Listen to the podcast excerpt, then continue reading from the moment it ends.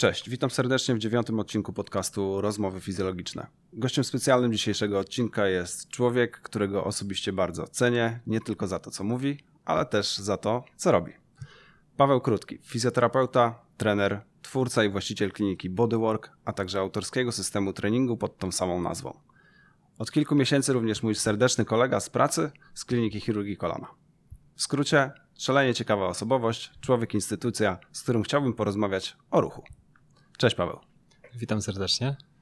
Bardzo mi miło Cię gościć. E, cieszę się, że zgodziłeś się ze mną spotkać przed mikrofonem.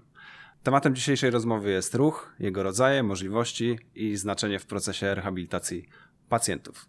Chciałbym, żebyśmy wspólnie spróbowali odpowiedzieć sobie na pytanie, czy faktycznie przyszłością fizjoterapii jest ruch. Jesteś fizjoterapeutą, tak jak ja zajmujesz się pomocą pacjentom w powrocie do sprawności, a jednak nasza praca mocno się od siebie różni. E, możesz przybliżyć nam, jak wygląda Twoja praca z pacjentem, na czym ją opierasz, jakimi metodami pracujesz? E, no przede wszystkim takim głównym e, podejściem, które stosuję, to jest podejście ruchowe. Nie jestem specjalistą, który zajmuje się pracą manualną.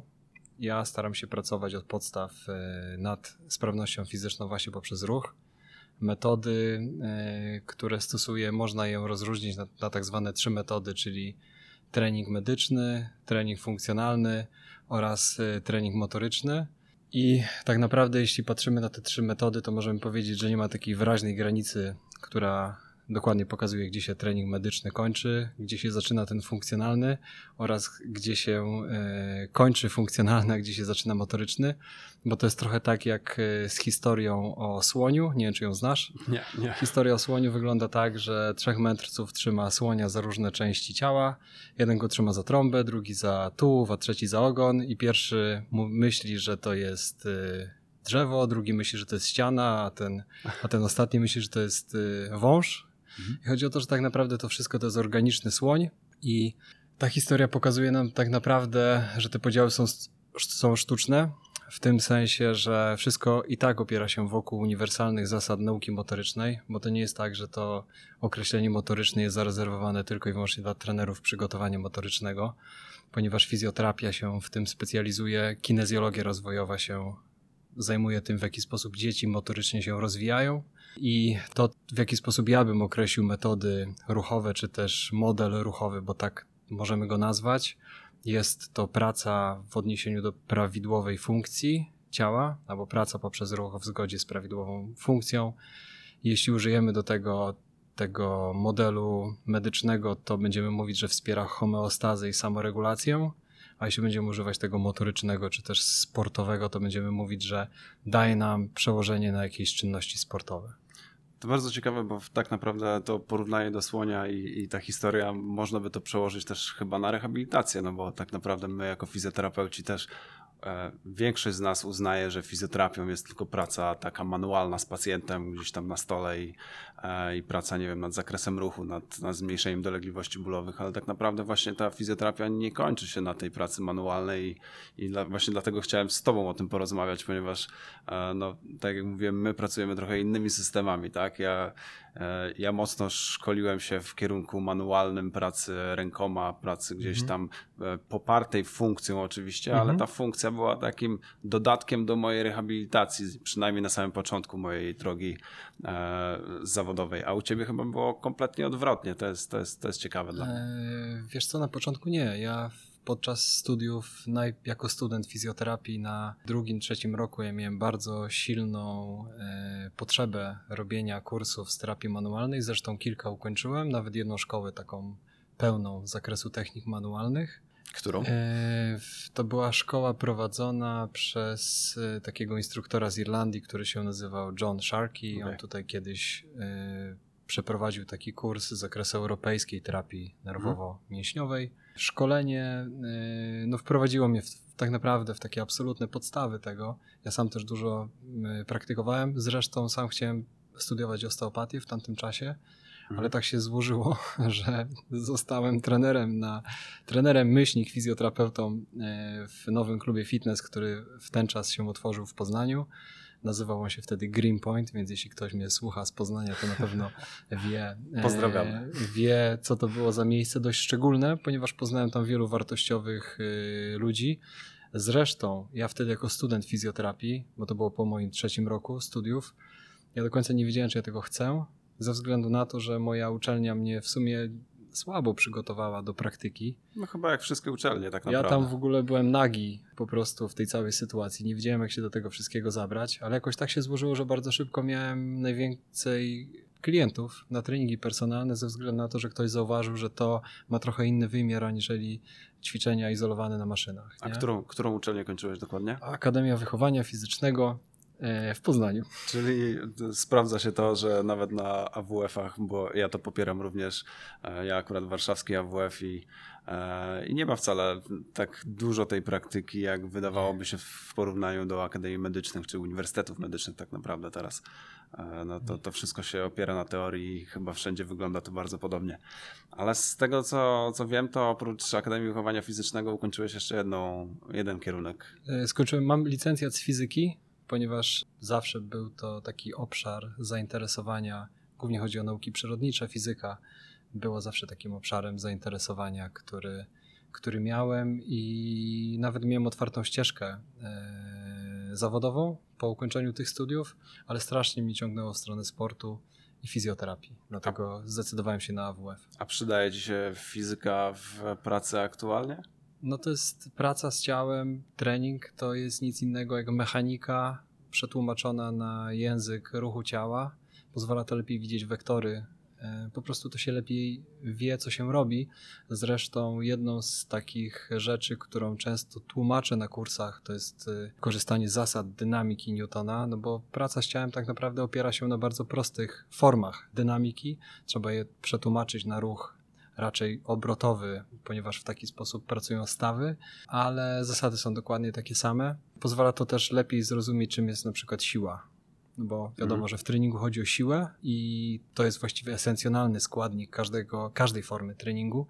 Jest nim siła, a warto też wiedzieć, czym to jest z punktu widzenia fizycznego, no bo na tym to się wszystko opiera. E, Mówiłeś, że tak naprawdę to, tą ścieżkę trenerską zacząłeś od, od pracy zawodowej, która cię trochę ukierunkowała i kiedy zauważyłeś, czy, czy w ogóle zauważyłeś tak naprawdę, że ta praca trenerska albo bardziej ci skutkuje dobrymi wynikami z pacjentami, albo bardziej ci się podoba? Czy to było jakieś...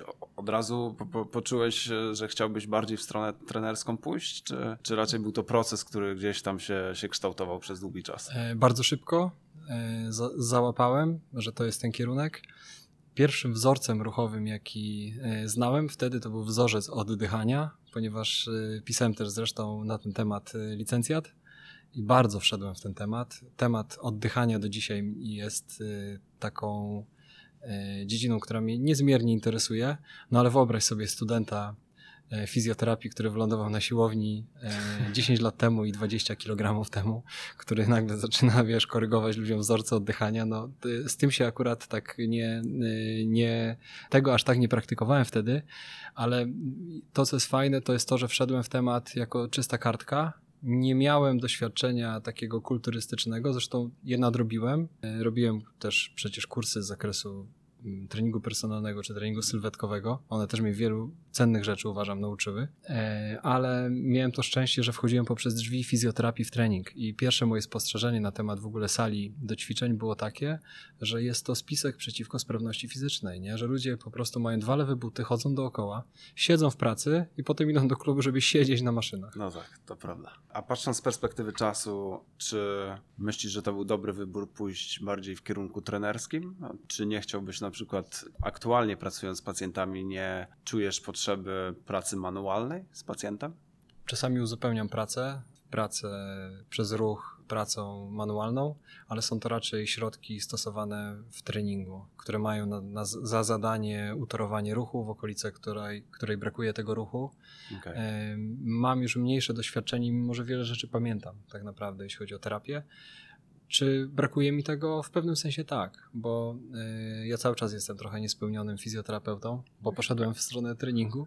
Jak, jak większość fizjoterapeutów, którzy gdzieś tam e, lubią się rozwijać, to absolutnie chyba jest to naturalne. Tak, i dlatego też się cieszę, że y, jestem tutaj z Tobą, jestem tutaj z Wami, bo też mam właśnie szansę wskoczyć trochę z powrotem do takiej rdzennej fiz- fizjoterapii. Okej. Zaprosiłem Cię tak naprawdę do podcastu głównie dlatego, że wydaje mi się, że większość fizjoterapeutów ma trochę mylne postrzeganie tego ruchu. My, jako fizjoterapeuci, manualnie, manualnie postrzegamy bardziej ruch jako, jako ruch bierny i my przekładamy tak naprawdę tą skuteczność ruchu bardziej w ruchu biernym. Wy, jako trenerzy, bardziej przekładacie to na ruch czynny, to co mi się bardziej podoba e, aktualnie, bo kiedyś też e, pracowałem głównie manualnie i praktycznie nie popierałem tego wszystkiego e, taką pracą motoryczną.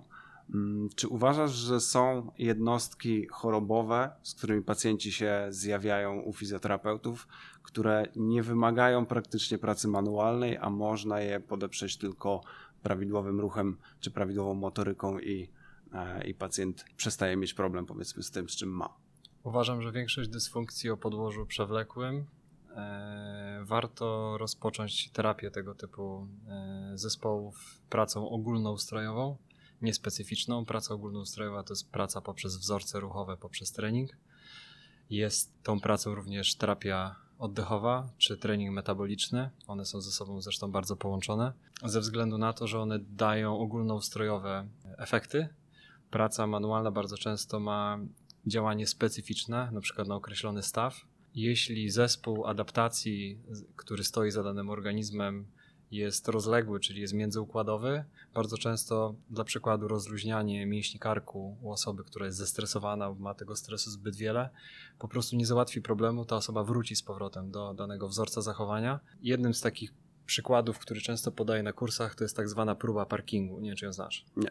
Próba parkingu to jest taki zabieg myślowy, który polega na tym, że pacjent, który przewlekle bolesny, bo to przede wszystkim dotyczy osób, które doświadczają różnych rodzajów symptomów bólowych, który przychodzi do terapeuty, którego postrzega jako magika, który mu coś tam robi, kiedy on leży, to właściwie w momencie, kiedy wsiada do samochodu zaparkowanego pod kliniką, wraca do swoich utartych, starych mechanizmów funkcjonowania. Przewagą podejść ruchowych jest to, że pacjent redukuje swoje zachowania i okej, wraca do pozycji siedzącej, ale jest większa szansa na to, że te nawyki przeniesie na życie codzienne.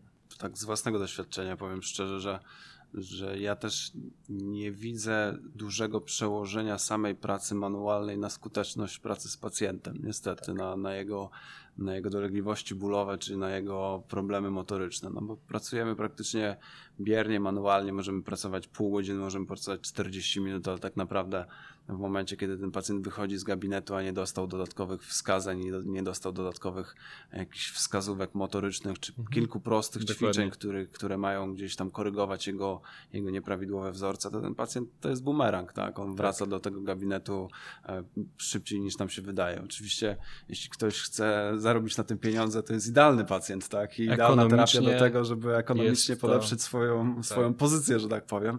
E, No ale jeśli chcemy pomagać pacjentowi, no to faktycznie to jest również moje zdanie, że, że jednak ta praca z, takim ruchem, ale absolutnie czynnym ruchem jest tutaj niezbędna.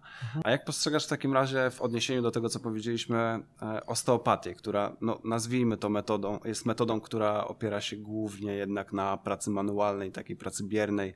Jest tam, no, trzeba to powiedzieć chyba głośno, że niestety jest tej pracy motorycznej dosyć mało w, w takiej terapii osteopatycznej. Czy ona według Ciebie ma przełożenie u pacjentów, na przykład sportowców po urazach sportowych? Ja myślę, że ma na pewno. Ja nie podważam skuteczności osteopatii. Ogromną przewagą osteopatii jest to, że ona patrzy na człowieka całościowo. To znaczy, jest człowiek i jego otoczenie. I to jest super. I to jest taka myśl, którą ja się kieruję. E, I nawet czasami w myślach to, co robimy w bodyworku, nazywam trochę taką osteopatią ruchem. E, I chyba to po raz pierwszy mówię. Chodzi o to, że jeśli mamy spojrzenie na osobę, na osobę, bo to jest bardzo ważne, bo każdy jest y, kimś totalnie indywidualnym i ta osoba jest uwarunkowana poprzez swoje specyficzne otoczenie.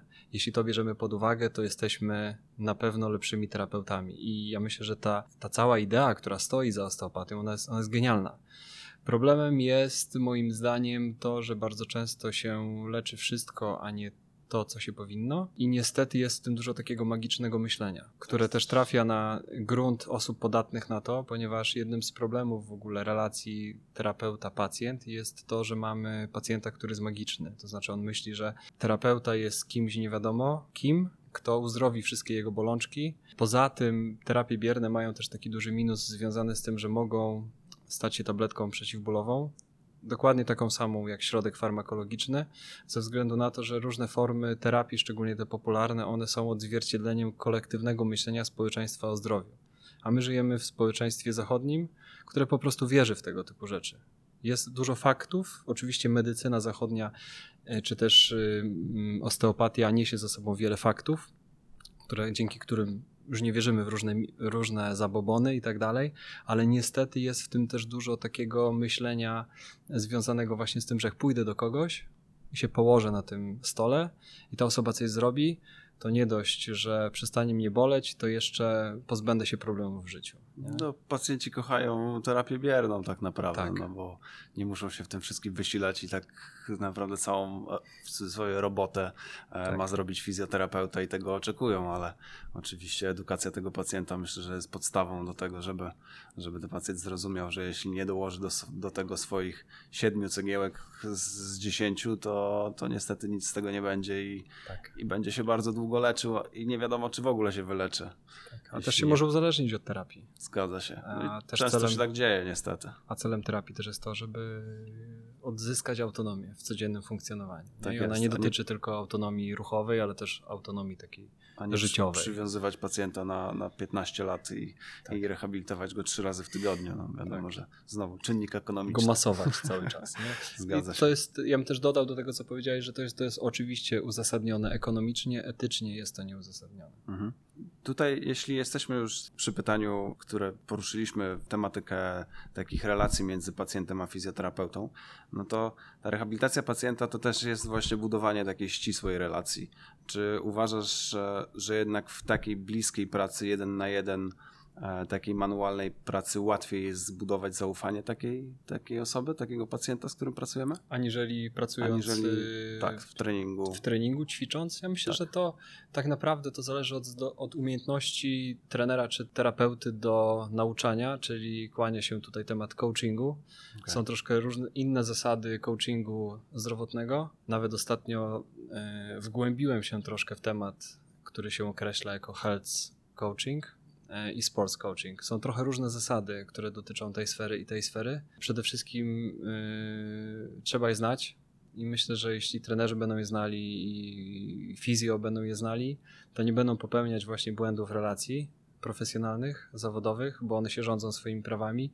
Uważam, że jednym z braków w edukacji zarówno trenerów, jak i fizjoterapeutów jest brak podstawowej wiedzy psychologicznej w zakresie na przykład relacji psychodynamicznych, bo bardzo często tego typu relacje się odzwierciedlają w kontakcie pacjenta z terapeutą, szczególnie jeśli są jakieś braki przeniesione z dzieciństwa. Bardzo często terapeuci sobie tego, z tego po prostu nie zdają sprawy, ale ta podstawa psychologiczna ona jest niezbędna i tutaj, i tutaj. Na pewno ważną rzeczą w tego typu relacjach też jest przywództwo, szczególnie w sporcie, a w y, terapii bardzo ważne jest to, żeby dążyć do samodzielności pacjenta. Wspierać homeostazę i samoregulację to jest moim zdaniem główny cel terapii. I jeśli byśmy spojrzeli na metody psychoterapeutyczne, to one też zmierzają właśnie do tego celu. To były takie zawsze znienawidzone przedmioty na, na studiach. Psychologia, Tak, socjologia.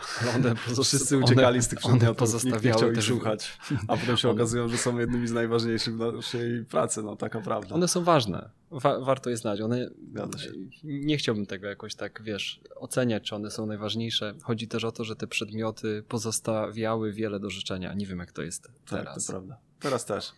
Myślę, że niewiele się zmieniło. Chociaż może, może nie mam racji.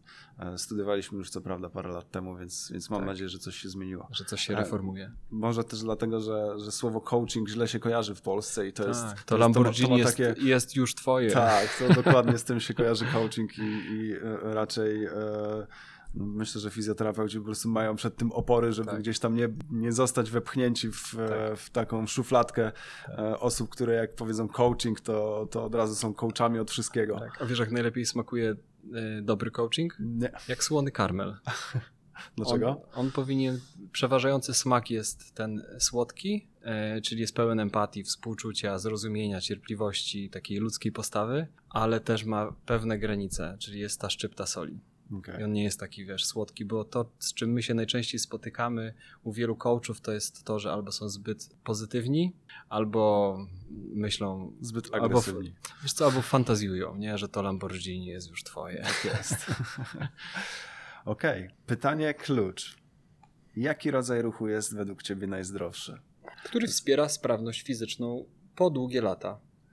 Polityczna odpowiedź. E, Ale oczywiście dotyczy to osoby, która nie ma celu takiego sportowego, no bo jeśli ktoś jeszcze do tego jest zaangażowany w sport na poziomie amatorskim albo przede wszystkim za, zawodniczym, no to wtedy ten ruch powinien być uszyty na miarę Mhm. tego, co robi. Czyli obalamy mit e, pływania, chodzenia, nordic walkingu jako jedyne e, możliwości ruchowe, najzdrowsze dla wszystkich, dla całego społeczeństwa. Wiesz co, myślę, że Nordic Walking, wiesz, i wszystkie tego typu formy treningu prozdrowotnego, one są genialne, jeśli chodzi, wiesz, o, o zdrowie układu krążenia i taką profilaktykę chorób e, sercowo-naczyniowych. Z tego bym się tak nie śmiał. Yy, bo być może, bo być, kierunku. może, bo być może Piotrek, wiesz, za, za 20-30 lat będziemy się umawiać na kijki, nie? Tak jest.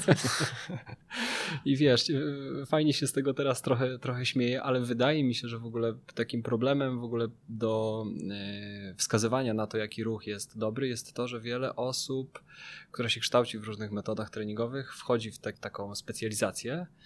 Moim zdaniem w świecie treningu, nie wiem jak to wygląda teraz w szkoleniach fizjoterapeutycznych, ale w szkoleniach treningowych bardzo często się wchodzi w taką, wiesz, specyfikę specyficzności. Od Tak. razu się wchodzi Tak, tam, wiesz, w prawda. metody po prostu. Już musisz być tak specyficzny, że trochę się. zapominasz o podstawach. Nie? To prawda. E, Brakuje takich kursów elementarnych i to jest problem, bo później masz metodę, w której się wykształciłeś, w którą wierzysz ślepo i po prostu tylko rozwijasz ludzi w tej metodzie. A tak naprawdę chodzi o pewne spektrum, które rozpoczyna się od czegoś, o czym zapominamy, czyli od regeneracji, odpoczynku, relaksu. Utracona sztuka życia, tak to nazywam. E, To jest też y, to, co ja w ogóle często pytam swoich pacjentów, czyli jak śpią, jak długo śpią, jaka jest jakość ich snu, e, czy potrafią odpoczywać. No bo ta jednostka regeneracyjna to nie jest tak, że przychodzi do ciebie relaks o 19 w piątek, puka do twoich drzwi i mówi, tada, jestem, nie? Też trzeba się trochę wysilić, żeby się zrelaksować, nie? To jest pierwsza rzecz, nie? Jak tego nie ma, to masz od razu na dzień dobry bardzo silnie ograniczone zdolności do nauki. Nie tylko motorycznej, ale jakiejkolwiek. Masz ludzi zestresowanych, przeładowanych, to oni się po prostu nie będą w stanie uczyć skutecznie i długofalowo. To jest taki pacjent, który przychodzi do ciebie, na pewno masz też takie doświadczenie, który po prostu jest trochę nieobecny, który w pierwszej serii robi, w drugiej już ci pyta, co robił. Już zapomniał. Już zapomniał. tak, nie? to prawda. I to, to, to, to, to, od razu wskazuje na to, że ten aspekt regeneracji po prostu leży. Nie? I to jest początek. Kolejna rzecz to są czynności życia codziennego, bo też o nie trzeba dbać, bo masz kogoś, kto przychodzi cie, do, do ciebie na trening albo na sesję godzinę w tygodniu. No czym jest godzina w tygodniu? No niczym tak, no, tak, nie oszukujmy się. To jest, to jest wskazanie kierunku, ale nie, Tak. nie, Czy, te, nie, czy to... nie można za pacjenta zrobić. Czy to ci daje gwarancję, że on to przeniesie na wszystkie swoje czynności życia? Najprawdopodobniej nie. Żadnych. Potrzeba trochę czasu. A kolejna rzecz dotyczy tych umiejętności specjalnych, takich performatywnych, ja to tak nazywam, związanych z, albo z jakąś sztuką, albo ze sztuką sportu. I tutaj trzeba już po prostu w pewnym momencie też zatrzymać się w, swoi- w swojej specjalizacji.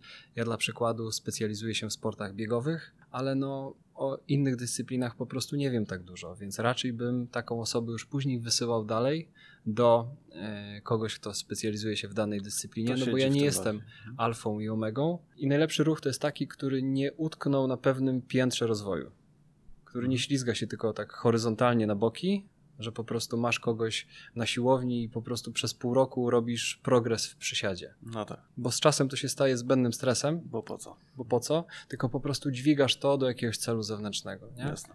I to znowu jest ten moment, w którym wracamy do tego punktu otoczenia, tego podejścia holistycznego, y, które rozpoczęliśmy właśnie mówiąc o osteopatii.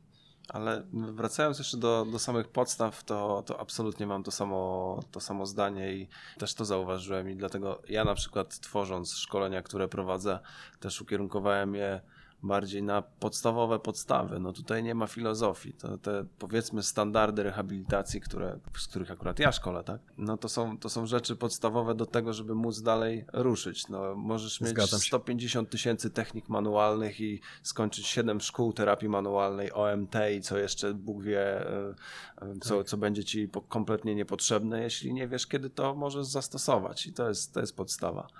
E, Myślę, że myślę, że absolutnie na tym się trzeba skupić i do tych podstaw po prostu wrócić. Ja myślę, że do postaw trzeba wracać e, cyklicznie. Tak jest, bo się bardzo szybko zapomina, jak Tak. się idzie w specyfikę. Jak idziesz w specyfikę, to potem za bardzo zaczynasz latać. Tak, ta, ta specyfika jest nieunikniona, no bo jednak e, no, po to się uczymy, żeby pogłębiać tą swoją wiedzę, ale jak Tak. po, pogłębimy ją za głęboko, to musimy wrócić do książki od anatomii i do biomechaniki. Tak, się staniemy takim Gandalfem właśnie, wiesz, Tak który jest. będzie tam... Odpływa i lata będzie, na dywanie. Dokładnie, gdzie tam będzie tam z- zbyt daleko e, uciekał. Okej.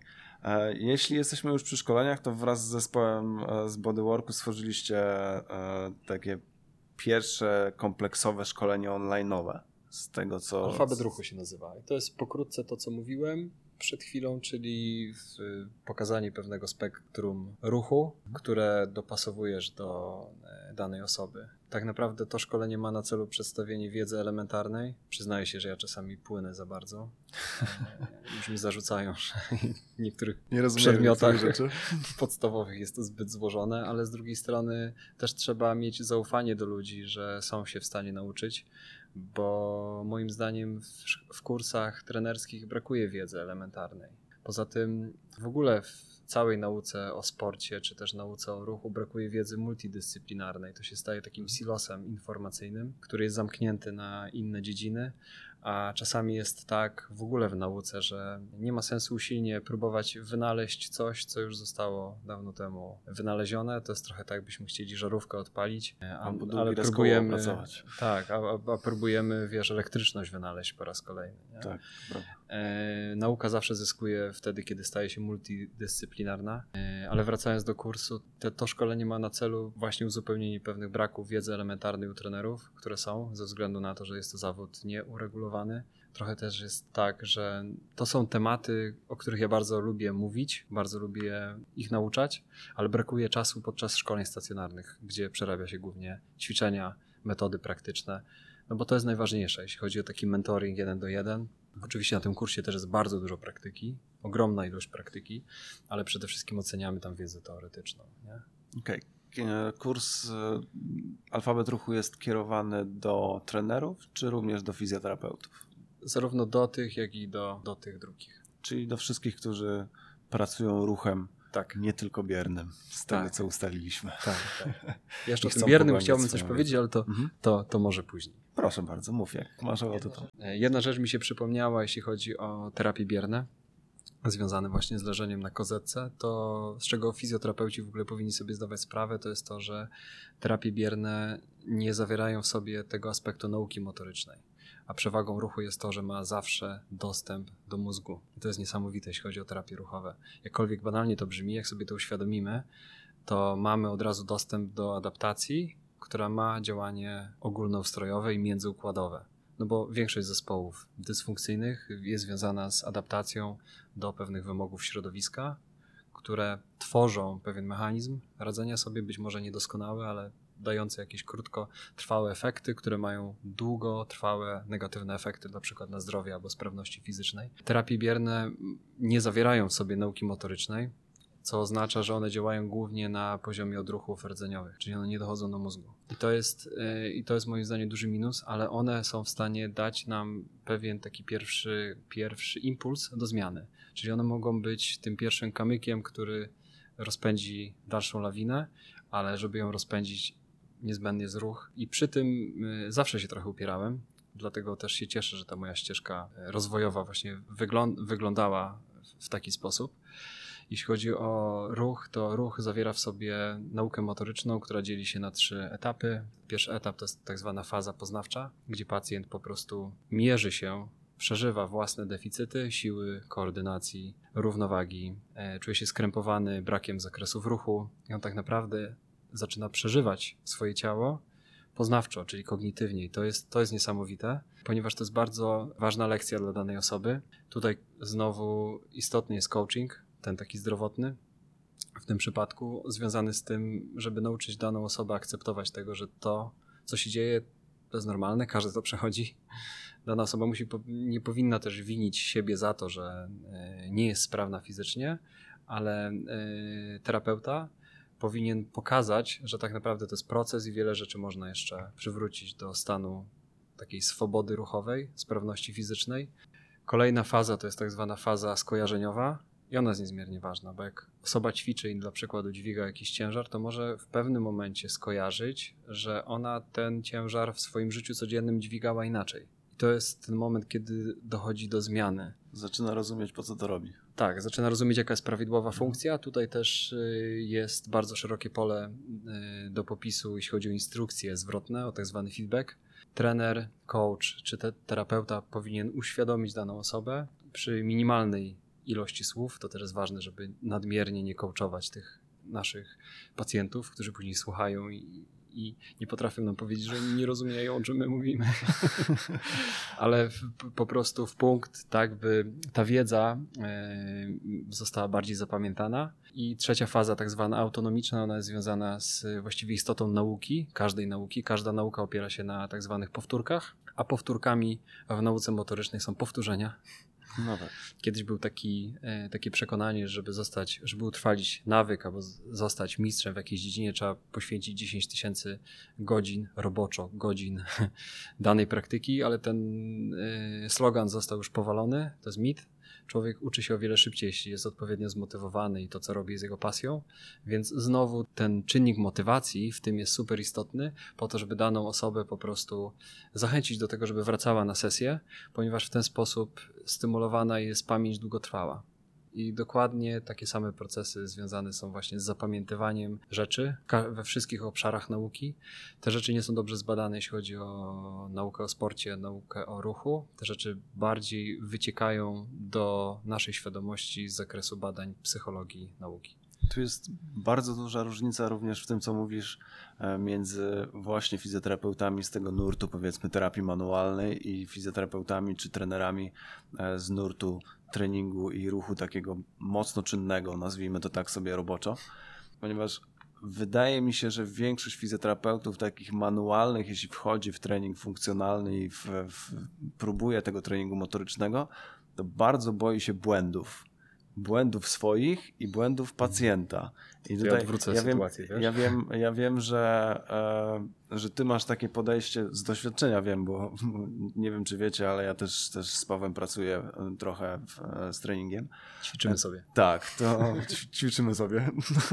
to mój pacjent, mój pacjent ostatnio, taka mała dygresja, zwrócił mi uwagę, jak mówię zawsze zróbmy to i to i on wtedy robi, a ja patrzę. to ćwiczymy sobie. Ćwiczymy sobie, dokładnie. Ja ćwiczę neurony lustrzane.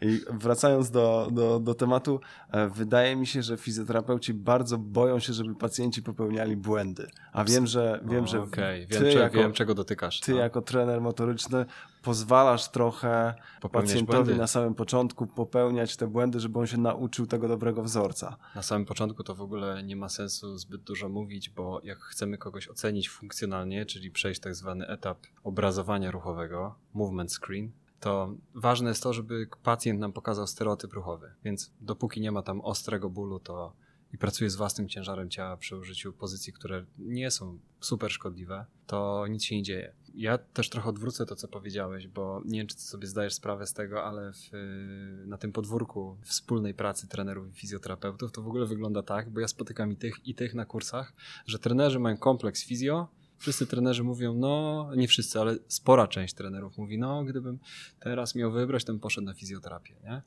I, ale gadasz z fizjoterapeutami, to oni mają kompleks trenera, no bo oni wiedzą, co z nimi zrobić ruchowo. Jedni drugich oceniają, w tym sensie, że fizjoterapeuci są bardzo zafiksowani na tak zwanych normach posturalnych, na, na osiach biomechanicznych i tak dalej. Na idealnym ruchu. Na ruchu idealnym jest ta Który obsesja, y, to, dokładnie, ta obsesja tego ruchu idealnego i takie absolutnie pedantyczne korygowanie wszystkich kompensacji. Tak. Osoba się najwięcej uczy z kompensacji. Chodzi o to, że kompensacje są nieodłączną częścią procesu nauki i nie należy ich korygować tak całkowicie. Trzeba je wykorzystać po prostu. Tak, one są bardzo dużym źródłem nauki. No, to w, w psychologii też funkcjonuje takie przekonanie, że człowiek się po prostu najwięcej uczy z błędów, nie? Oczywiście, jeśli dane kompensacje są skorelowane z daną dysfunkcją, jeśli masz kogoś, kto koślawił kolana i w ten sposób przeszedł operację tego kolana ze względu na jakiś bezkontaktowy e, tam uraz wię, więzadeł, no to oczywiście, że te To wiadomo, że szukasz przyczyny i próbujesz Tak, no wiadomo, że, tak. że tego typu deficyty motoryczne należy korygować, bo to jest słabe ogniwo, nie? Ale, ale y, to nie jest tak, że powinniśmy dążyć do, do tego y, obrazu idealnego, bo znowu, tak jak powiedziałem, będziemy się horyzontalnie ślizgać, będziemy cały czas tam popychać pacjenta w stronę tego idealnego y, y, wzorca ruchowego, a po okresie około 6 tygodni y, dana osoba się już adaptuje do danego bodźca i później to jest taki bodziec podprogowy, co my oferujemy. Nie ma efektów. Trzeba daną osobę wrzucić na wyższe piętro. Po prostu jak najszybciej. Nabycie podstaw i hop od razu do góry. Zgadza się. Czy według Ciebie przyszłością fizjoterapii na świecie e, są takie, nazwijmy to, systemy treningowe zamiast systemów pracy manualnej? Wiesz co, mi się wydaje, że do końca nie, to musi być ze sobą połączone w pewnym sensie, bo e, jeśli spojrzymy z biologicznego punktu widzenia na organizm ludzki, no to możemy zakładać, że jeśli funkcjonowaliśmy w środowisku naturalnym dawno temu, to wtedy nasz organizm, ponieważ był dostosowany do ekosystemu, regulował się sam poprzez pozycję odpoczynku, pozycję snu, poprzez ruch, który był nieodłączną częścią. Chodzi o to, że wtedy człowiek żył w większej homeostazie ze swoim środowiskiem i stało się nagle coś takiego, że wylądowaliśmy w tym społeczeństwie takim e, uprzemysłowionym i trochę zmienił nam się styl życia. Dlatego my kompensujemy te braki naturalne właśnie tego typu formami terapii i z jednej strony jest to dla nas niezbędne po to, by osiągać relaks, bo to, co my robimy wtedy, kiedy masujemy w cudzysłowie ciało, kiedy pracujemy manualnie, to bardzo często staramy się uwalniać stres, który gdzieś tam się zogniskował w narządzie ruchowym, a to, co my robimy jako trenerzy pracując, to znowu dotykamy tej drugiej strony medalu, czyli próbujemy motorycznie rozwijać w sposób też oczywiście zrównoważony to ciało, po to, by miało większą odporność na stres, bo są dwa, są, nie wiem czy sobie zdajesz sprawę z tego, ale jeśli spojrzymy w ogóle na, na temat, y, dla przykładu zmęczenia, to są dwa oblicza zmęczenia. Jedno jest związane z tym, że, nik, że ktoś nic nie robi. Jak ktoś nic nie robi, to jest zmęczony, a ten, kto robi zbyt dużo, też, jest, też jest zmęczony. zmęczony. I chodzi o to, że zawsze ta optymalna wydajność, maksymalna wydajność, ona będzie w sytuacji, kiedy ten obszar recovery oraz obszar y, aktywności będzie w równowadze. Okej. Jakie trendy w przygotowaniu motorycznym aktualnie zauważasz, takie największe w odniesieniu do fizjoterapii i jak myślisz, w jakim kierunku będzie szedł ten trening medyczny, to naz- nazwijmy to może tak. Hmm, A pytasz o bardziej ten trening motoryczny w sporcie, czy medyczny związany z fizjo? Bardziej z fizjoterapią. Bardziej z fizjoterapią, czyli tak, Na sporcie tak, się taki nie rozwój motoryczny, jeśli chodzi o trening, yy, trening medyczny. Wiesz co, mi się wydaje, że w ogóle w Polsce to się całkiem fajnie rozwija. Nie chcę tutaj, wiesz, sobie dawać yy, zasługi, chociaż pewnie jakąś tam małą Ja myślę, tym że mamy. To, to absolutnie. Em, tych kursów medycznych y, trochę się pojawia. Ja myślę, że w ogóle ten trening medyczny powinien iść w stronę nietłumaczenia metod fi- fizjoterapeutycznych na język treningu, bo to jest duży problem, bo istnieje pewna grupa szkoleń na polskim rynku, która próbuje uczyć fizjoterapii trenerów. I później czasami mi się zdarza, że chodzę po różnych siłowniach i widzę, że trenerzy robią poizometryczną relaksację mięśni, Nie do końca rozumiejąc, po co to robią. może nawet rozumieją, Nie- ale ale w ogóle znają. to, to trochę nie pasuje do treningu. Mhm. Nie? Trening raczej jest po to, żeby dobrze zestresować to ciało, a fizjoterapia jest po to, żeby ten stres uwolnić. Wtedy, jest, jeśli jest go za dużo. Oczywiście będziemy stresować ciało tylko i wyłącznie wtedy, kiedy jest jakiś potencjał do tego, żeby się czegoś z tego nauczyć. Ja bym też chciał, żeby żeby było więcej takiej komunikacji między fizjoterapeutami a trenerami. Ja myślę, że w tą stronę. No przecież aktualnie trudno znaleźć balans pomiędzy fizjoterapią a treningiem, kiedy to już z Arturem z praktycznej strony treningu rozmawialiśmy. Mhm. Bardzo ciężko jest znaleźć tą granicę, która jest, No ma jej. jest strasznie płynna. Tak, oczywiście. E, I że tutaj jest bez, e, bez współpracy między fizjoterapeutą a trenerem, tak jak bez współpracy między, nie wiem, trenerem a lekarzem i fizjoterapeutą a lekarzem, no tutaj się nie da chyba tego, te, tego zrobić porządnie i, i myślę, że to jest clue, żeby jednak Tak. zacząć współpracować i nie bać się oddawać swoich pacjentów dalej, albo tak. e, zrobić regres i cofnąć e, pacjenta, który odczuwa dolegliwości bólowe do, do fizjoterapeuty, od którego się po prostu tego pacjenta dostało, jeśli ten pacjent nie jest dla mnie. Zgadzam tutaj- się z tym i chciałbym, żeby to w tą stronę szło. W ogóle nie wiem, czy ty sobie zdajesz sprawę, ale nie ma takich międzynarodowych standardów e, Absolutnie. treningu medycznego. Nie ma czegoś takiego. Poza tym to nazwa jest trochę taka. Nie że to jest zbyt świeże i zbyt młode, albo może za mało jest specjalistów takich, e, którzy znają się i na fizjoterapii, i na treningu Tak. w tak dużym stopniu, jak powinni, żeby takie standardy wyznaczać. Tak, tak, tak. E, Ta interdyscyplinarność jest dosyć duża. Zgadzam się. Chciałbym, żeby to w tą stronę właśnie szło, ale z bardzo wyraźnym zaznaczeniem, jakie są kompetencje fizjoterapeuty, a jakie są kompetencje trenera. Bo to się miesza, nie? To prawda. I mnie czasami mierzi, jak to widzę, nie? Kiedy się uczy technik manualnych, fizjoterapeutycznych trenerów. I na odwrót tak naprawdę. Jeśli się wchodzi w trening specyficzny bez podstaw e, To też prawda. e, trenerskich przez fizjoterapeutę. Tak, tak, tak. Właśnie ten problem tych specyficznych metod, nie? Zbyt szybko. Ja osobiście czekam na połączenie osteopatii i treningu. Są tego typu kursy. Myślę, A, że to się pojawi jak grzyby po deszczu powoli, tak. że będzie tego coraz więcej. My trochę to rozpoczęliśmy. Y, Na kursie alfabet ruchu mamy taki jeden przedmiot, który ma dość intrygującą nazwę, bo nazywa się motylność visceralna. To bardzo dziwne, ale bardzo ciekawe. E, Z języka angielskiego motility. Dotyczy ruchu wewnątrz granic ciała. To się tak określa, to jest określenie bardziej biologiczne, ale one się, jeśli ktoś studiował osteopatię, to na pewno wie o motylności narządów wewnętrznych, bo one też mają swoją ruchliwość. Mhm. Ruchliwość to jest też fajne przetłumaczenie. Tak. I to, co robi Monika Salitra To, z to już naszego dla mnie centrum. bardziej. E, E, Tak. Ona, ponieważ ona jest wyedukowana w terapii visceralnej i ona się tym zajmuje, ona po prostu te metody przetłumaczyła na e, język ruchu. Dużo ćwiczeń jest opartych też w pracy e, terapeuta-pacjent, czyli są to takie metody wspierane, ale znowu przez to, że jest w tym więcej samoregulacji i takiego dążenia do tego, żeby uczyć tej właśnie samoregulacji, no bo to jest moim zdaniem klucz, nie? mhm. bo y, też przypomniał mi się całkiem niedawno, tak naprawdę cytat Leona Czajtowa, pewnie, pewnie no, na pewno znasz tę postać. Jasne. W jednym ze swoich wykładów on powiedział o tym, że y, my, nie leczy, my nie leczymy ludzi. Ludzie leczą się sami. I to też jest taka rzecz. Czasami jak patrzę na świat terapii, przede wszystkim to mam wrażenie, że ludzie trochę o tym zapominają. Mhm. Że tak naprawdę naszym zadaniem jest promować tą ideę homeostazy, samoregulacji. Kierunkować pacjenta, a nie go Tak, bo mę- męczyć terapiami. Dokładnie, bo z punktu widzenia też y, takiego biologicznego, środowiskowego, to jeśli byśmy chcieli w pewien sposób przywrócić ten taki e- ekosystem pierwotny, oczywiście ja do tego w ogóle nie nawołuję, bo ja Jasne. uważam, że to człowiek nie w tą stronę powinien się rozwijać, ale to już jest bardziej taki temat, powiedzmy, filozoficzny. Filozoficznie mocno. Mhm. E, W to nie musimy wchodzić, Zostawmy. ale to, to po prostu nasz organizm za- zawsze był dostrojony do tego aspektu właśnie samoregulacji. No i tutaj to, to, to najsłynniejsze słowo e, chyba, albo zwrot 2019-2020 to holistyczne podejście, które tak naprawdę według mnie no, no, mija się bardzo mocno z prawdą, ktokolwiek to mówi, czy to jest osteopata, który nie pracuje e, ruchem, czy, Bo co to czy- znaczy? czy motorycznym, dokładnie, Tak. bo co to znaczy? Czy to jest fizjoterapeuta, który nie pracuje visceralnie, czy to jest trener, który mówi, że pracuje holistycznie, bo Tak. zajął się dietą, treningiem, ale nie jest w stanie wprowadzić, nie wiem, technik manualnych i Tak.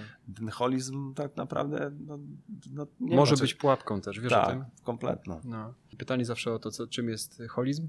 Problemem ideologii holistycznych jest to, że one negują oddzielenie i separację, a nawet patrząc na organizm ludzki, są pewne hierarchie, tak jak tkanki komórki, które są od siebie oddzielone. To nie jest tak, że my jesteśmy ze wszystkim połączeni. To tak nie działa. No nie Po prostu. Alfą i omegą. po Poza prostu. tym bardzo często te podejścia holistyczne, one nawołują do powrotu do jakichś, wiesz, starych ludowych tradycji, które się opierają na zabobonach, nie? I my tego nie potrzebujemy. To prawda. Nie w XXI wieku. No, no, ja uważam, że, w, że to nie jest ten kierunek po prostu. Nie ma sensu się oszukiwać. Okej. Uczyłeś się swojego fachu e, w różnych świetnych jakościowo miejscach. Nie tylko Polska, ale również Hiszpania, Stany. Czy widzisz korelację pomiędzy pracą z pacjentem za granicą, a w Polsce, jeśli chodzi o, o takie swoje podejście, czy sw- swoją, swój dział w rehabilitacji, może tak to nazwę? E, Czy za granicą kładzie się na przykład większy albo mniejszy nacisk na ruch pacjenta niż w Polsce? Ja myślę, że w, w szybciej się zaczęło to dziać na zachodzie. E, Każdy, każdy kraj, który odwiedziłem, miał też swoją specyfikę, miał też pewną swoją taką specjalność. Uważam, że ta różnica się bardzo teraz zaciera, między innymi poprzez dostęp do mediów społecznościowych oraz dostęp do edukacji online, która jest genialna, tak naprawdę. Tak. Która otwiera przed nami niesamowite możliwości edukacji. Warto oczywiście szukać wiedzy, która jest autentyczna, która jest yy, wartościowa. No myślę, że turystyka szkoleniowa też e, można to tak nazwać. E, czasach- się mocno rozwija. w czasach w czasach, w czasach COVID może, może trochę przysiadła, ale, ale myślę, że w ostatnich latach to jest, to jest, Tak, to jest tak. kolosalne. Tak, ja też obserwuję wielu trenerów, którzy podróżują po świecie. i To jest w ogóle super, że tak jest. Nie? Tak jest. Ktoś jedzie do E, Czech, do Niemiec, do Stanów tylko po to, żeby zrobić szkolenie, przy okazji coś pozwiedzać. Super. No, Taka prawda. A w, jak porównałbyś Polskę do, do zagranicy, do, do krajów, w których też e, gdzieś tam robiłeś staże i, i pracowałeś, to czy daleko odbiegamy według ciebie od tego Trochę. w cudzysłowie zachodu? Od tego zachodu trochę, ale nie jakoś bardzo. Bo ja myślę, że jeśli chodzi o taką fizjoterapię, fizjoterapię, e, w której ja pracuję, mocno terapię manualną czy, czy, czy rehabilitację taką pourazową, to jesteśmy jednym z najlepszych. Super. Takie jest moje zdanie. Super to E, słyszeć. I nie, nie, nie mówię tylko absolutnie o, o, o lokalnym, że tak powiem, rynku warszawskim, ale w ogóle jeśli chodzi o, Świat. o trendy światowe, to Super. absolutnie jest, myślę, że jesteśmy w topie. Ja myślę, że w ogóle Polacy są bardzo pracowici, potrafią się szybko i dużo uczyć nie? i to jest super. Nie? Jedyna rzecz, przed którą trochę przestrzegam, to jest taki kompleks po polskości, który wynika z tego, że po prostu jedziemy na ten zachód i mamy takie wyobrażenie, że my jesteśmy takimi Jesteśmy małymi, malutkimi Polakami. Polaczkami.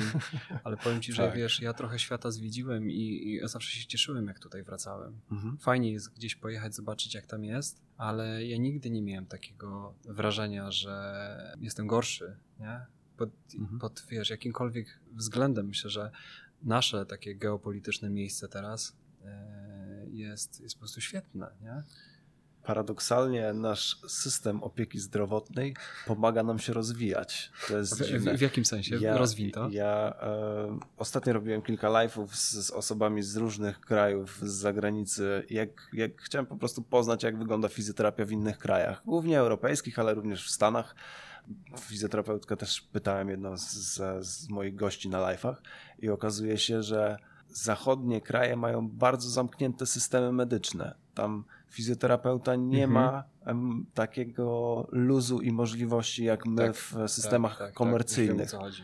Nie mówię tutaj o NFZ, bo to jest oczywiście mocno ograniczone, ale mm, czy to Niemcy, czy to Francja, e, bo tam też z fizjoterapeutami rozmawiałem, okazuje się, że oni mają bardzo zamknięte systemy, również te komercyjne. Oni nie mają możliwości tak jakby wychodzenia poza system i przyjmowania na przykład pacjenta w takim systemie, jak oni by chcieli. Tak. Bo Tak, są tak. jednak sponsorowani praktycznie przez albo e, ten powiedzmy NFZ, Aha. albo e, firmę ubezpieczeniową, która płaci za pacjenta rehabilitację, no bo ci pacjenci sami za to nie płacą w tych wysoko rozwiniętych krajach. Mają ubezpieczenia, które pokrywają im te koszta i te ubezpieczenia wymagają od fizjoterapeutów, żeby pracowali na Mhm. przykład 20 minut.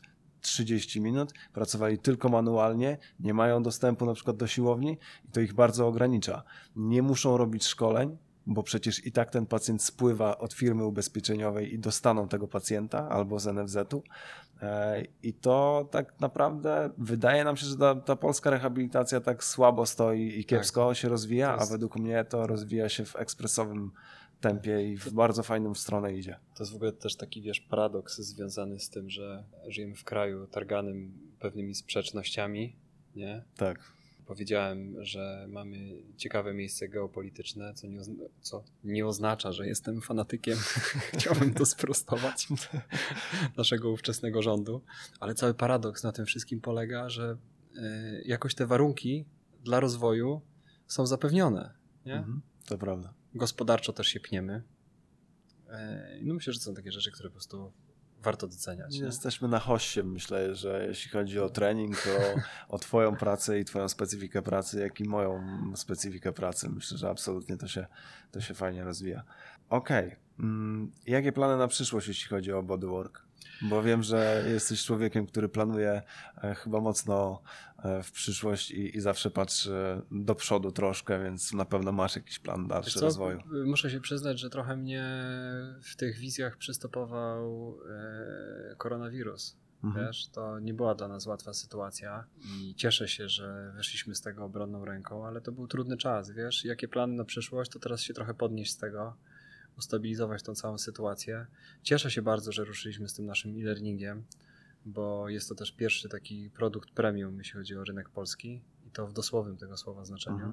I zgodnie z definicją, dla nas jest to jakaś e, nowa szansa na to, żeby e, dotrzeć do większej ilości osób, żeby ich zarazić naszym spojrzeniem na ruch. Naszym. W sensie to nie jest też tak, że to, że, że, że, że, to są rzeczy całkowicie wymyślone przez nas. Nie? Absolutnie, no to jest My, to, co też złożenie waszego doświadczenia w coś, w coś nowego, powiedzmy. jest to też taki system integralny, który właśnie podkreśla różnicę kompetencji fizjoterapeuty, trenera. Tak trochę rozwijając ten temat jeszcze bardziej.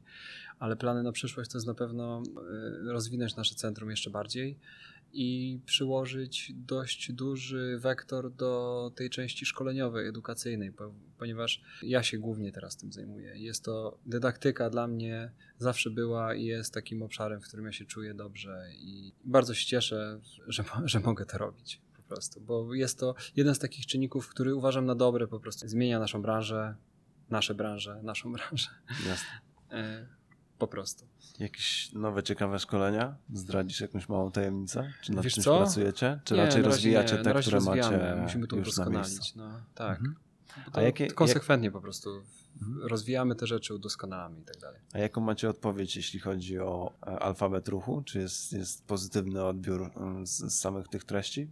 E, Póki co tak, e, ale na pewno będziemy za jakiś czas wysyłać e, ankietę dla Mhm. naszych kursantów i będziemy oczekiwać szczerej odpowiedzi, na którą jesteśmy zawsze bardzo otwarci. No myślę, że wszyscy się uczymy powoli tego online'u i jeszcze nie Tak, jesteśmy tak. przyzwyczajeni do tych szkoleń online'owych, ale to Ja się, jest... ja się spotkałem, wiesz, z takimi opiniami, że w ogóle, wiesz, szkolenia dotyczące ruchu na e-learningu to jest, wiesz, Pomyłka. y, ale to jest trochę tak samo jak, wiesz, z przekonaniem, że jak dasz dziecku telefon komórkowy, tak działkę kokainy, to już też zostało obalone. Tak jest. Bo wiesz, czego to Piotrek wynika. To jeszcze jeden przykład. Y, Platon w czasach starożytnych twierdził, że jak spopularyzuje się umiejętność czytania, to ludzie oduczą się zapamiętywania. W człowieku jest wprogramowany strach przed nowym. Zgadza się. To jest zupełnie naturalne. Y, Można naprawdę rozwinąć, i powinniśmy rozwijać tę działkę e-learningową, ale na pewno zarezerwuję na spotkania stacjonarne wszystkie takie formy me- takiego mentoringu, gdzie będę mógł się w końcu rozluźnić, że wiedza elementarna już jest i będę mógł się skupić po prostu na ćwiczeniach, które, Mhm. które, których nie da się nauczyć. Do tego jest niezbędna praca organiczna. No był bardzo duży taki opór środowiska, jeśli chodzi o e-learning, ale myślę, że paradoksalnie nasza sytuacja aktualna zmusiła wszystkich, żeby do tego e-learningu się Tak, trochę przekonali i zaczynają, myślę, że fizjoterapeuci zaczynają widzieć tego ogromne pozytywy, bo, bo tak. sam, sam widzę, jakie jest odzwierciedlenie w, w akurat ja w webinarach, czy, czy w czymkolwiek, co online'owo, czy to ja puszczam, czy ktoś, e, ktoś inny, czy to Marcel z Fizjopaszem, który też ogromną, fajną robotę robi, jeśli chodzi o e-learning, czy, czy chłopaki z Projekt Masaż, to, to Aha. wszystko, każdy ma tam swoją działkę i rozwija tą swoją działkę i absolutnie myślę, że ten e-learning e, już się zadomowił u nas na stałe i to będzie część, bardzo dobrze. część nauki fizjoterapeutycznej i, i rozwoju. Też e, ze względu na to, że jest po prostu tańszy od, e, od szkoleń stacjonarnych w większości przypadków. No i zajmuje dużo mniej czasu, więc, więc myślę, że to jak najbardziej również jeśli chodzi o ruch, absolutnie jest, jest do zrobienia że i, Ja w tym widzę pozytyw. Kwestia po prostu zarządzania też tym, nie? Absolutnie. Część rzeczy nie da się nauczyć zdalnie. Niezbędny jest taki przekaz jeden na jeden. Część rzeczy można spokojnie nauczyć zdalnie. Świetnie. Ostatnie pytanie. No. Trzy książki, które poleciłbyś słuchaczom. Ojej. Zawsze je zadaję. Nie muszą być związane z fizjoterapią i treningiem. Coś, co ci się spodobało i co poleciłbyś wszystkim. Kurde, jest tyle książek, którymi się fascynuję, że aż ciężko, wiesz, wybrać trzy, ale takie trzy, na, na, na, które mi się pojawiają, tak, wiesz, na, na, Mhm. na dzień dobry. To pierwsza związana z takimi podstawami w ogóle podejścia ruchowego, książka Craiga Libensona Functional Training Workbook. Mhm. Ona jest fajna ze względu na to, że pokazuje y, naukowe podstawy. Ona już nie jest do końca taka super aktualna, ale czasami warto wracać do treści, które, które mają zebrane podstawy.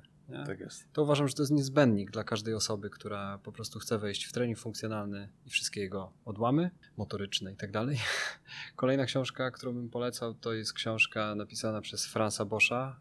Strength and Co- Coordination Integrative Approach. Książka napisana bodajże dwa lata temu, dość rewolucyjna. Ona wprowadza taki dość nowy koncept w model treningu przygotowania fizycznego związany z ekologią systemów złożonych. No jak już się słyszy ekologię systemów złożonych, to już głowa paruje od tego, bo to jest trochę taka mechanika kwantowa e, na poziomie ruchu, bo No cały tak. model ruchowy jest oparty na treściach izolowanych, redukc- redukcjonistycznych, które są, które dają się przewidywać liniowo, to bynajmniej takie jest założenie naukowe, ale to jest błąd, bo tak w rzeczywistości nie jest, nie? Mhm. I to jest pewien taki model, który doprowadzi do pewnej zmiany z czasem, tak czy inaczej. Nie? To jest kwestia czasu, że te, te, te treści po prostu przesiąkną świat y, trenerów, no bo po prostu człowiek nie jest maszyną modularną, tak robot, po prostu człowiek jest systemem biologicznym i z tym się pracuje po prostu trochę inaczej. A trzecia książka to taka bardziej filozoficzna powiedzmy, którą y, czytałem ostatnio, która jest świetna, trochę na fali Harariego Homo sapiens, właściwie sapiens, Mhm. E, Sapiensa oczywiście też polecam, czyli już wykorzystałem trzy, to jeszcze powiem o czwartej. Książka, która, Daję ci kredyt na e, czwartą. która e, niestety jest tylko w, języku angielskim, z tego co wiem, nazywa się Understanding Neolithic Mind, czyli jest to książka, która mówi o tym, w jaki sposób rozwijał się umysł człowieka epoki kamienia łupanego, czyli tak zwanego neolitu. Bo my bardzo często myśląc o człowieku, my myślimy o tym człowieku z okresu paleolitu, a bardzo mało wiemy o okresie, w którym wytworzyły się wszystkie nasze wierzenia, które przenosimy po dzień dzisiejszy, które tak naprawdę wywodzą się z wielkich kultur megalitycznych. Jak się czyta o tych rzeczach, to po prostu głowa paruje. Jeśli ta książka zostanie kiedykolwiek przetłumaczona na język polski, to ją przeczytajcie, a jeśli a jeśli znacie język angielski dostatecznie, to ją gorąco polecam. Ona jest napisana przez dwóch archeologów kognitywnych. Dość wąska specjalizacja, jeśli chodzi o temat archeologii, z tego co wiem. Zresztą archeologii nie wiem zbyt dużo, poza tym, że kiedyś oglądałem Indiana Jonesa. No dobra, i Tomb Raidera. To i tak masz większą wiedzę niż ja. No ale tego typu książki też po prostu nam trochę zwiększają horyzont, nie? One nie tylko mówią nam o tym, kim jest człowiek, ale jaka jest nasza natura taka, wiesz, wewnętrzna, bo yy, kończąc, podsumuję to tym, czym jest holizm, bo też zadaliśmy takie pytanie i tam jest bardzo fajna odpowiedź na to. Strasznie prosta. Człowiek, który zmaga się z tą całą współczesnością i problemami wynikającymi z niej, jakkolwiek je nazywamy, czy to są problemy natury egzystencjalnej, czy sprawnościowej, to tak naprawdę jest, znajduje się między dwoma e, rzeczami. Znajduje się, jest tak naprawdę rozdarty między naturą a kulturą. Naturą, z której się wywodzi i którą trochę neguje, no bo też jesteśmy zwierzęciem, który, które przełamało instynkty, a z drugiej strony jest rozdarty, nie wie, czy jest częścią natury, czy jest częścią kultury, którą, sobie, żyje. sobie, którą sobie sam wymyślił. Piękna wisienka na torcie tego podcastu. Okej, Paweł, bardzo, bardzo dziękuję za, za rozmowę. E, Myślę, że super edukacyjna i mam nadzieję, że Też mam wszyscy, nadzieję. wszyscy wyciągną z niej to, co potrzebują i mam nadzieję, że wyciągną z niej e, informacje na temat ruchu, które chcieliśmy przekazać i ty chciałeś przekazać i ja chciałem częściowo pytaniami przekazać e, taką puentę, że jednak warto pracować także czynnie, nie tylko biernie. To do Leżąc. wszystkich fizjoterapeutów głównie. Dziękuję Ci bardzo za zaproszenie do tego podcastu, który w ogóle bardzo cenię. Uważam, że jest bardzo wartościowy. I Wam za uwagę. Okej, bardzo, jeszcze raz bardzo dziękuję. To był dziewiąty odcinek podcastu z Pawłem Krótkim Pozdrawiamy i zapraszamy do następnego. Do usłyszenia, do zobaczenia.